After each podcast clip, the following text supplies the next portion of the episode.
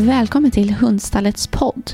En podd där vi varje vecka fördjupar oss inom hundvärlden och om livet på hundstallet.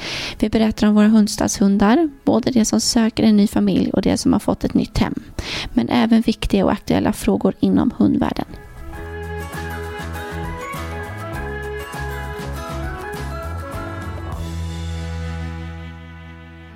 Innan vi drar igång och pratar med djurskyddspolisen så tänkte jag presentera veckans hund. Och denna gång är det Nettan jag ska berätta om.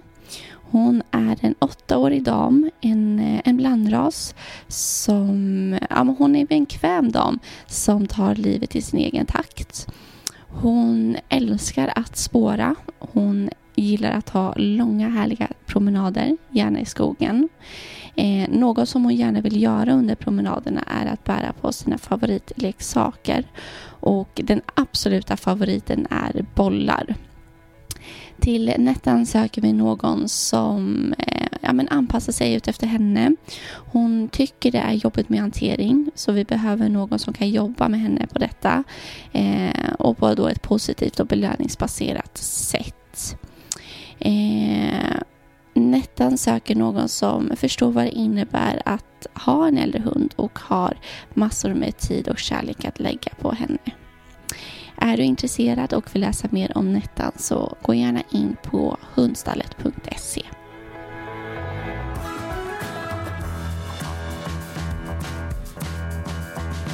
Idag så sitter jag med djurskyddspolisen och vi ska prata om ert arbete.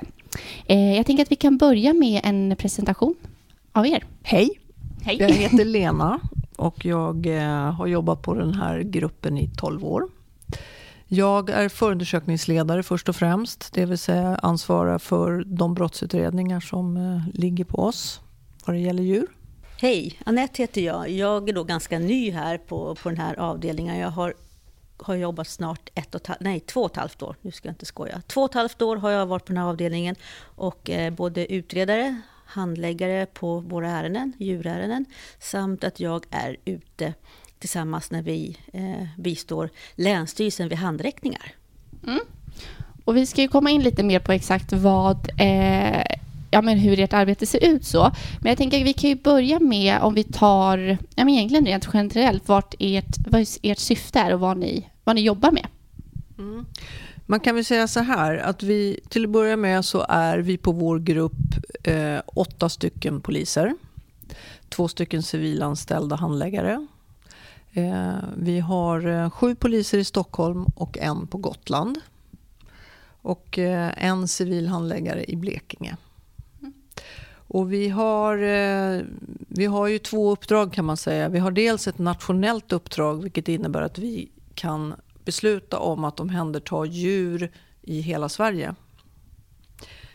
Och det är ju alla djur då, inte först och främst hundar, men alla djur.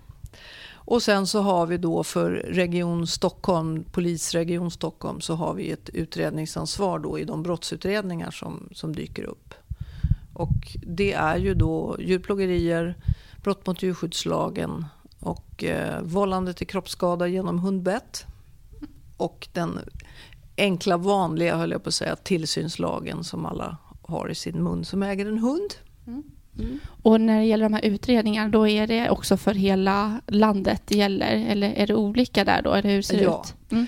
Det, det, nationella uppdraget består endast i vår rätt då att kunna omhänderta djur ute i landet när patruller ja, från Skåne eller Norrbotten ringer och behöver hjälp. Mm. De utredande delarna, det gäller bara Region Stockholm-Gotland. hur ser det ut i de andra delarna? Ja, då har ju de en, en, den traditionella, alltså den vanliga polisen om man får uttrycka sig så slarvigt. Så att de utreds ju oftast på lokalpolisområdena, de brotten där. Mm. Och era roller, ni var inne lite på just så, vad ni jobbar, ni åker ju inte ut utan ni jobbar med, utred, du jobbade med utredningar om och det kan tänka mig se väldigt olika ut då beroende på, eller Mm. Jag, jag, är som sagt förundersökningsledare och det är så med de här brotten som vi hanterar att om det är då eh, djurplågeri, om vi har någon som är skäligen misstänkt för det då ska den förundersökningen som det heter ledas av en åklagare. Men de andra brotten där, där är det jag som då ger direktiv till, till mina handläggare. Mm. Varav då Anette är en. Så att då jobbar ju vi gemensamt tillsammans i de brottsutredningarna. Och det är då de brotten som uppstår just då i Region Stockholm. Mm.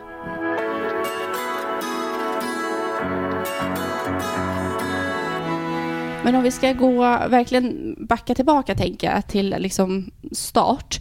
Eh, om vi säger, när är det, egentligen när blir det ett brott? Jag tänker att det kan se olika ut. Eh, alltså att det finns väldigt många olika lagar, lagar som styr det här. Men vad är ett brott? Är det om man skulle dra för hårt ett koppel till exempel, om man ser, eller vad, hur ser det ut? Ja, alltså om vi ska ta den, den delen så kan man inte Eh, juridik är ju lite speciell. Det är inte svart eller vitt. Och man kan inte säga att bara för att någon drar hårt i ett koppel att man har begått ett brott. Om vi tittar på djurplågeriet så, så står det ju då skrivet att man otillbörligen ska utsätta ett djur för lidande. Mm. Mm.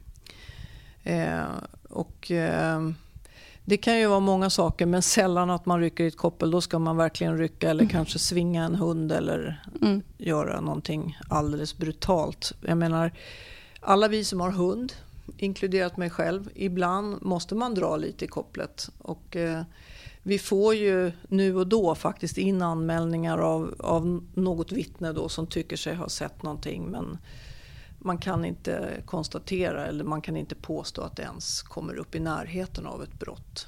Mm. Och hur, hur anmäler man om man tycker att man ser att någon far illa, något djur? Hur anmäler man det? Det, det bästa sättet är ju att ringa till polisens callcenter. Det ringer man 114 14 mm. och gör en anmälan om man upplever att ett djur far illa eller att man har sett någonting, att det pågår kanske en misshandel av ett djur eller eller då det vanligaste kanske att en hund biter annan hund eller så. Man mm. ringer PKC. Sen har man alltid möjligheten att gå in på en polisstation. Då bör man ju kolla öppettider och sånt. Så därför är ju kanske att ringa PKC att föredra. Mm. Man kan även gå in på polisens hemsida och göra en webbanmälan. Kan man vara anonym då eller hur? Mm. Man kan absolut vara anonym men jag kan, jag kan säga att det är extremt svårt att utreda ett sånt brott och gå i mål med en sån utredning och då menar jag att någon ska bli dömd för det. För att man kan ju ringa in och säga att man, man har sett Nisse slå sin lilla hund Fiffi men man vill inte tala om vem man är själv, man vill överhuvudtaget inte medverka i ett förhör det är en, en hel omöjlighet att utreda en sån sak. Så att en anonym anmälan, den kommer man inte någon vart med hos oss så att säga. Man behöver ha någon som vågar stå bakom det man ser. Mm. Just det här när man ser kanske ett djur som far illa, man är orolig just för djuret. Eh, då kan man ju alltid, man ser en anmälan till Länsstyrelsen mm. och där kan man vara anonym. Okay. Ja, så det är skillnaden. Och om man då anmäler ett brott och man eh, misstänker att det är någonting som inte är helt rätt, hur, hur ser processen ut? Ja, det, finns det då fler som har sett det här? Finns det vittnen? Om vi, om vi nu pratar om ett djurplågeri då. Om vi har någon som, som vi kan misstänka då kommer hela den anmälan och det som inkommer att skickas upp till en åklagare som kommer att avgöra om vi ska fortsätta jobba med det här. Sen kommer han att dela, in, eh, dela ut direktiv.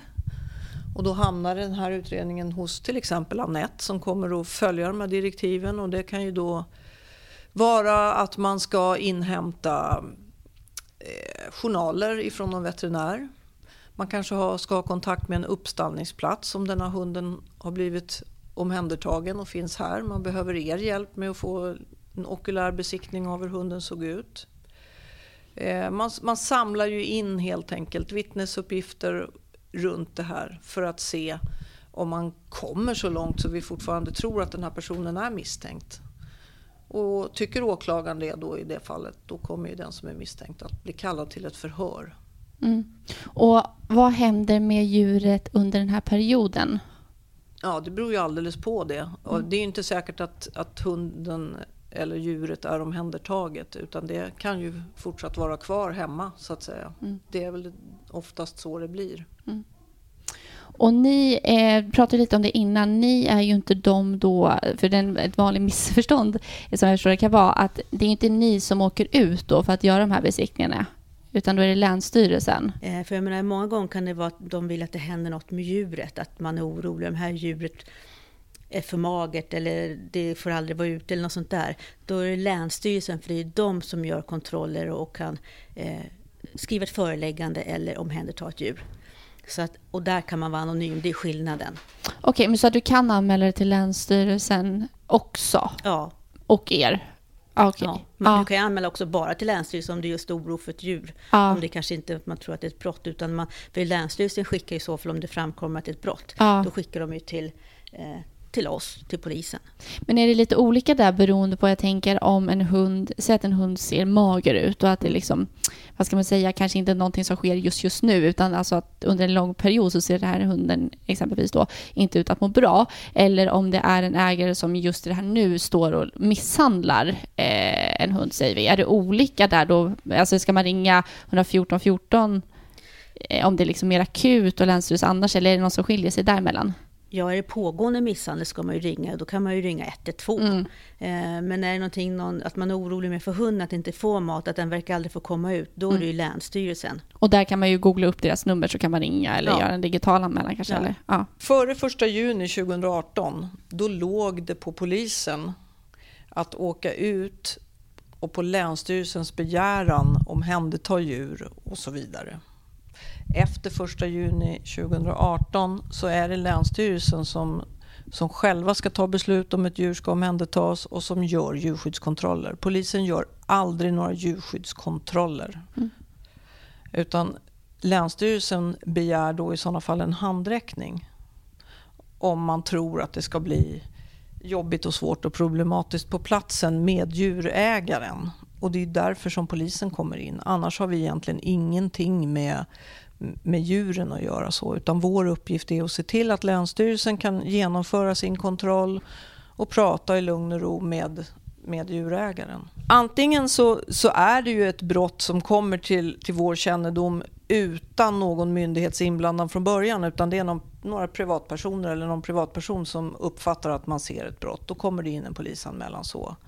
Sen är det ju naturligtvis så att det kommer in så kallade orosanmälningar då som vi kan skilja från brottsanmälningarna. Och det är ju om man tror att djur far illa. Mm. Och det kommer till Länsstyrelsen. Okay. Mm. Mm. Och det kan vara privatpersoner som gör. Det kan också vara vilken polispatrull som helst som kommer hem i en bostad av andra skäl än initialt andra skäl än, än några djur. Men lika väl då som man ser om barn far illa eller djur far illa så har polisen en skyldighet att, att anmäla det då till en orosanmälan till de myndigheter som har att hantera det. Mm. Och när det gäller djur så är det uteslutande Länsstyrelsen som... Sen då kommer de i ett läge att ibland gör de sina kontroller ensamma utan vår inblandning och ibland så anser man då att man behöver ha med oss för säkerhets skull. Då. Mm. Och det man då ser när man väl kommer dit, det kan ju tyda på att det ska upprättas en anmälan. Mm.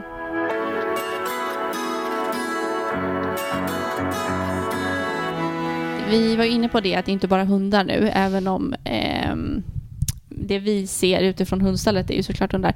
Men vad är det för andra? Kan det vara alla typer av djur eller är det stora som små? Ja. Det kan det vara. Jag, jag tog med lite statistik här. Um, Förra året så tog polisen beslut om omhändertagande av djur. Vi har fortfarande en möjlighet att göra det. Och det beror uteslutande på att Polismyndigheten är en myndighet som jobbar 24-7. Mm. Mm. Så att exempelvis om någon blir akut sjuk, åker in på sjukhus, man kommer hem i bostad någon, och ett djur är då övergivet så att säga. Folk som dör, folk dör hemma och har djur och saker, folk blir frihetsberövade på helger och så vidare. Då mm. har ju vi en möjlighet att omhänderta det här djuret. Och när vi gör det så ska det beslutet underställas Länsstyrelsen som då ska pröva om det var korrekt och som ska utreda vad som ska hända med djuret. Mm. Och förra året så hade vi eh, omhändertog polisen då, det initiala beslutet från polisen var det 499 djur. Mm. Ja, det är ju väldigt många. Mm. Eh, och eh, jag tog med här, det är hundar, katter, kaniner, fåglar, höns, sköldpaddor, ormar, får, marsvin, råttor. Det är alla, alla dess slag. Ja. Mm. Vad är eh, det vanligaste? Det vanligaste är hund. Det är hund. Mm. 359 hundar förra året. Kan det vara någonting, alltså att det är lättare att upptäcka om en hund eh, far illa på något sätt? Eller tror vi att vi kan liksom se någon anledning till varför? Eller är det fler hundar som far illa? Nej, men det är väl också så. Ponera att, eh, att någon blir frihetsberövad en fredagkväll och så säger den personen jag, jag har en fågel hemma eller jag har en katt hemma eller och jag kanske under morgondagen kan jag få någon som kan titta till den. Vissa djurslag kan man lämna Mm. hemma i bostaden. Hund gör vi inte det med utan hund tar vi eller omhändertas ju då alltid Mm. så att säga. Det är svårare att lämna en hund än en katt till exempel. Mm. Och det går ju lite in på vårt samarbete tillsammans, Hundstallet och Djurskyddspolisen. Hur, hur ser det ut? Jag kan berätta lite grann utifrån då, eh, min roll, eftersom jag också då, jag utreder då de här ärendena som vi pratar om. Eh, men sen är då jag ute tillsammans då, som sagt när Länsstyrelsen vill ha handräckning av oss, att vi är med för att säkerställa att de får genomföra sin kontroll eller omhändertagande. Eh, och i de fall, ibland vet vi om innan att det här kommer troligtvis kanske bli ett omhändertagande eller det, det är klart, den ska, hund- den här hunden eller katten eller hästen ska omhändertas. Eh, och jag menar, i de fallen så har, som då har vi ju Länsstyrelsen är de då som har kontaktat er på hundstallet. Så att de finns ju alltid med. Och de är alltid med så att när vi knackar på eller vad vi ringer på så finns ju de i bakgrunden för att snabbt kunna liksom eh, göra sin arbetsuppgift. Mm. Så att eh, Länsstyrelsen är ju de som har den kontakten ute på fält. Eh, sen är det ju beroende på om det kommer in fall eh, där vi omhändertar. Eh, och då finns det ju olika hundstall ute i, i landet också så, som det finns avtal med. Mm.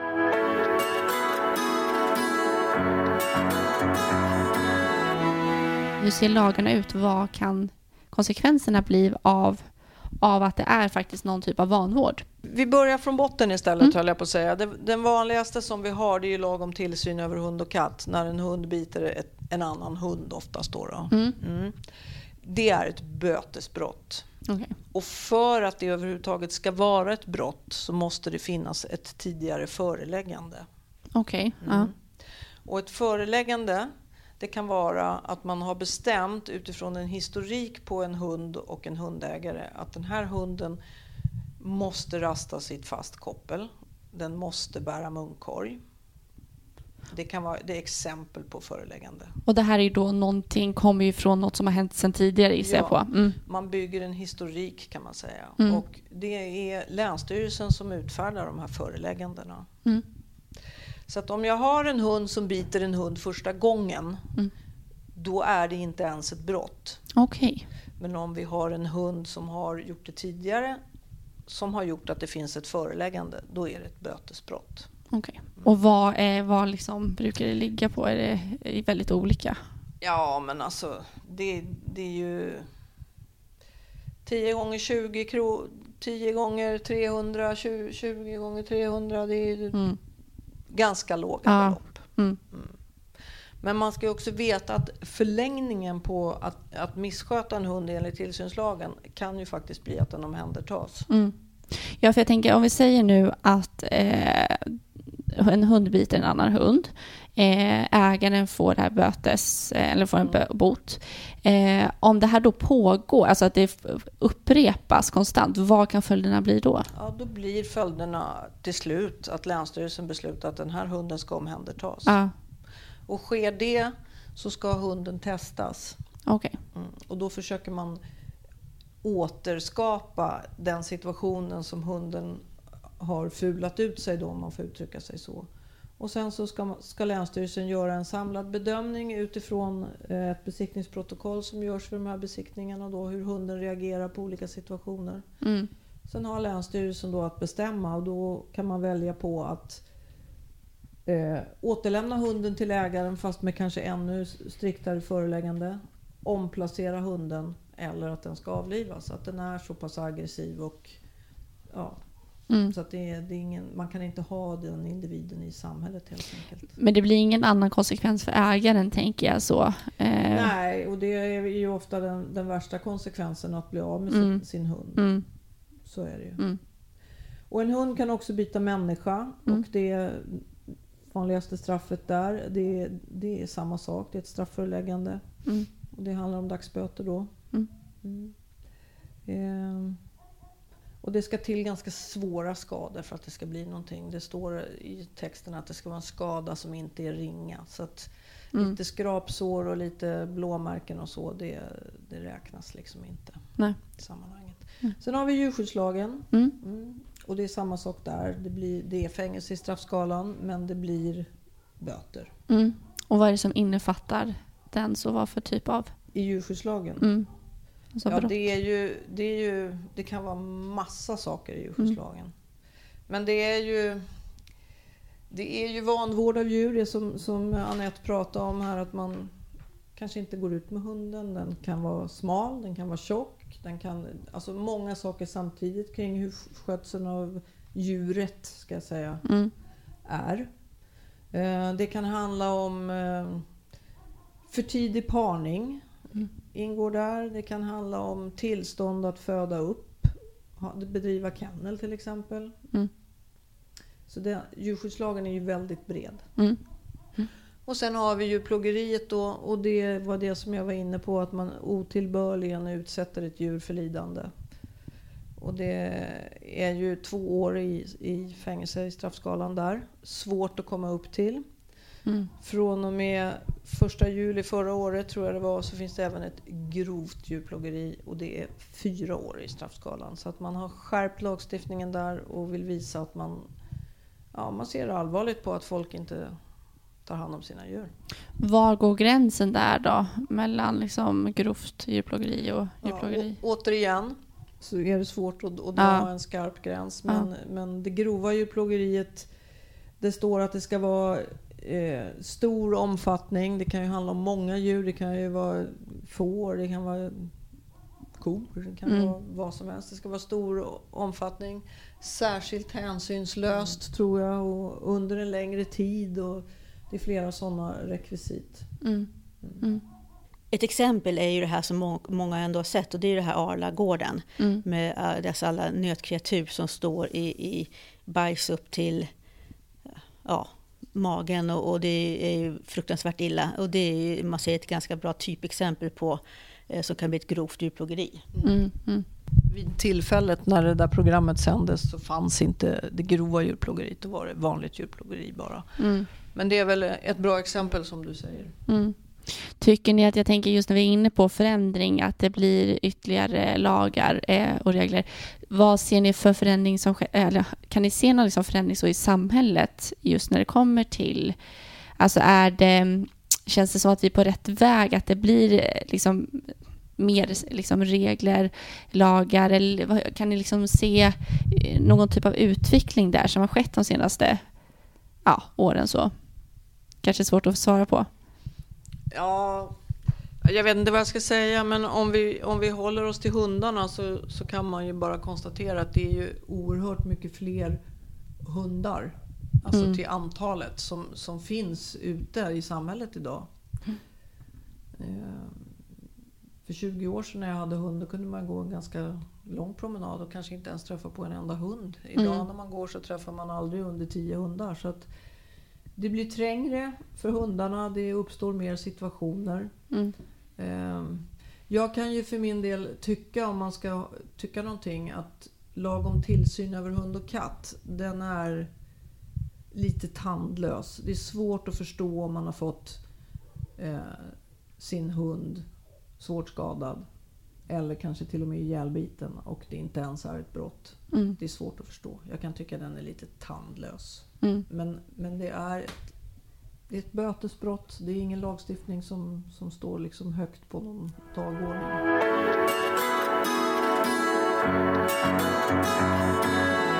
Tidigare avsnitt har vi också pratat om djursamlare. Eh, där det finns ju väldigt många olika typer av djursamlare. Eh, och mång, eller en grupp som vi var inne på är just de här som eh, ja, men, alltså att det faktiskt inte är någon illvilja utan att det är liksom psykisk ohälsa och liknande så är det mycket sånt också som jag tänker att det måste finnas olika typer av, av fall. Så ser ni många olika typer? Ja, det är ganska många sådana fall. Ja. Eh, och utifrån de, den korta tid jag jobbar med, det är många gånger katter. Ja. Visst, även hundar också, men att det är väldigt mycket katter. Så absolut, det, mm. det ser vi. Och du är ju ute i vissa fall då mm. när det gäller omhändertagande. Hur, hur är det? Nej, men alltså jag, jag kan tycka att det många gånger är tragiskt, för många gånger kan det vara ett tragiskt öde bakom som har gjort att, det, att det har, den här personen eller personen hamnar i det här läget. Att de inte har möjlighet eh, ta ett exempel, kanske gå till veterinären med sitt djur för att, som du har behov av, men, men som gör att det också lider, men de har inte råd. Eh, och jag menar, för dem också är djuren många gånger också deras, liksom, eller om de är ensam, deras enda. Mm. Och då, då, det är tufft. Mm. Det är synd om många. Mm. Jag skulle verkligen vilja understryka under de åren som jag har hållit på att det är få fall där vi verkligen ser att någon med brått mod eller med uppsåt, som man då säger, plågar något djur av illvilja. Utan det, det är det som Anette är inne på. Det är eh, en ganska stor misär där ute. Och det finns inget... Man, man saknar förmågan helt enkelt att ta hand om sig själv eller ta hand om sina barn och djur. Mm. Det är så. Ja, för jag tänker det kan nog eh, kanske glömmas bort lite i, i det här att det faktiskt många gånger inte är för att man vill vara elak utan att det finns väldigt många andra omständigheter som gör, gör det svårt. Mm. Ja, men det skulle jag nog vilja efter de åren jag arbetat här att eh, jag kan inte minnas något fall där det varit någon som medvetet eh, eh har varit gjort sitt djur illa. Eller liksom, utan det, det, är de här omständigheterna som gör att de inte har förmågan. Eh, de har inte råd många gånger. Eller de förstår, eller de är själva också i en sån situation så att de... Man skulle omhänderta dem också, men det, det kan vi inte göra på det sättet. Mm. Eh, så att, ja. Mm. Jag skulle bara gå tillbaka lite grann. Som sagt, jag har inte jobbat lika många år, återigen, så, som de andra i gruppen. Men när vi pratar om skillnad på djur, alltså jag tycker det är bra det här, och som nu också att de har stärkt det här med djurplågeri, att det är fyra år och att det kan bli grovt. Eh, så jag tycker nog att man i samhället överlag liksom ser över, försöker se över våra djur som finns där ute. Eh, men det jag märker av är att det, det blir mycket mer hundar. Också kan man se lite grann efter pandemin, så har det också blivit mer hundar. Eh, och kanske folk inte förstår vilket ansvar det är att ha en hund och att man kanske börjar arbeta igen. Men också att det har blivit många av de här raserna som är ganska eh, tuffa eh, raser. Eh, som kanske inte alltid är så lätt att man bör ha någon mycket hundvana för att ta hand om de här. Och när det väl händer någonting så blir det ofta stora skador. Eh, det är någonting som jag kan ha märkt under mm. de här korta åren. Mm, och viktigt att ta med, tänker jag, just om man vill eh, köpa hund eller inne på det, att man faktiskt ser över vad för typ av liv man själv har och vad man kan erbjuda. Ja. Så många hundraser är ju kanske inte en hund som man ska välja i första, första hund. Nej, det, det, tror jag eh, tyvärr vi ser ganska mycket av. Och just att vissa hundraser, det blir, är det hundslagsmål så är det, blir det ofta stora skador. Och mm. även om en människa blir biten så blir det också ganska allvarliga skador. Mm. Framförallt barn. Ja. För vi har ju även barn. Där är det ju inte riktigt, som Lena sa tidigare, att det kanske krävs ganska mycket skador. Men när det gäller barn så krävs det inte riktigt, då kan det räcka med, med skra, alltså inte lika allvarliga skador som hos vuxna. För att det ska bli vållande till kroppsskada. Mm. Så sådana ärenden har vi också när barn är, är utsatta. Ja, just det. Ja.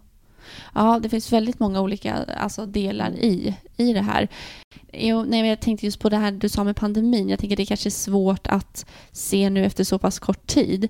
Men kan ni se någon konsekvens av ja, det, är förutom att fler, det är fler hundar så, men kan man liksom se någon trend som har hänt efter det? Det kanske är kort tid, jag vet inte om det... Jag kan inte säga på rak men jag kan mer tänka mig att det är folk som inser att, att när de börjar jobba igen här nu att man, oj, vad ska jag göra med hunden? Mm. Så jag tänker mer att det kanske mer blir mer för er. Ja. Men jag vet inte, Lena kanske Nej, men jag tittade lite grann på det för jag tänkte att den här frågan kommer säkert. Ja. eh, och, eh, som jag sa då så har vi 499 djur omhändertogs förra året och eh, det har varit konstant 450, mellan 450 och 550 djur under de här åren. Så mm. det varierar lite grann. Ja. Eh, hundarna ligger ju i topp, men det, det, är kanske av det skälet som jag just nämnde tidigare, att det är svårare att lämna en hund liksom flera dygn. Ett annat djur kan man kanske göra det om man ger dem mat och så vidare. Mm. Eh, jag vet, jag kan inte säga egentligen att vi ser någon direkt sån där pandemieffekt. Nej. Och jag tänker det har också varit en, eh, det har inte varit så lång tid mellan där. Nej. Eh, Gör ni det? Vi har ju, eh, alltså jag skulle säga från den här andra vågen som var när den tog slut, eller vad man ska säga, eh, så har ju vi ett väldigt ökat tryck eh, på hundar som behöver omplaceras. Eh, det är många privatpersoner som ringer in och behöver hjälp. Sen är det alltid svårt tycker jag att säga att det gäller alltså att man kan exakt fastställa att det är just på grund av pandemin. Men vi märker ju av att det är många, många fler hundar i samhället. Eh, det gör vi verkligen. Och det tänker jag att ni också gör och att det kommer förmodligen med tiden bli en, eh, ja, man kommer se fler konsekvenser av det. Mm. Men vi har väldigt många hundar inne mm. eh, som behöver hjälp. Mm. Det var allt vi hade att bjuda på för denna gång. Ett stort tack till dig som har lyssnat. Glöm inte heller att prenumerera på podden så att du inte missar något avsnitt. Vi hörs nästa vecka. Hej då!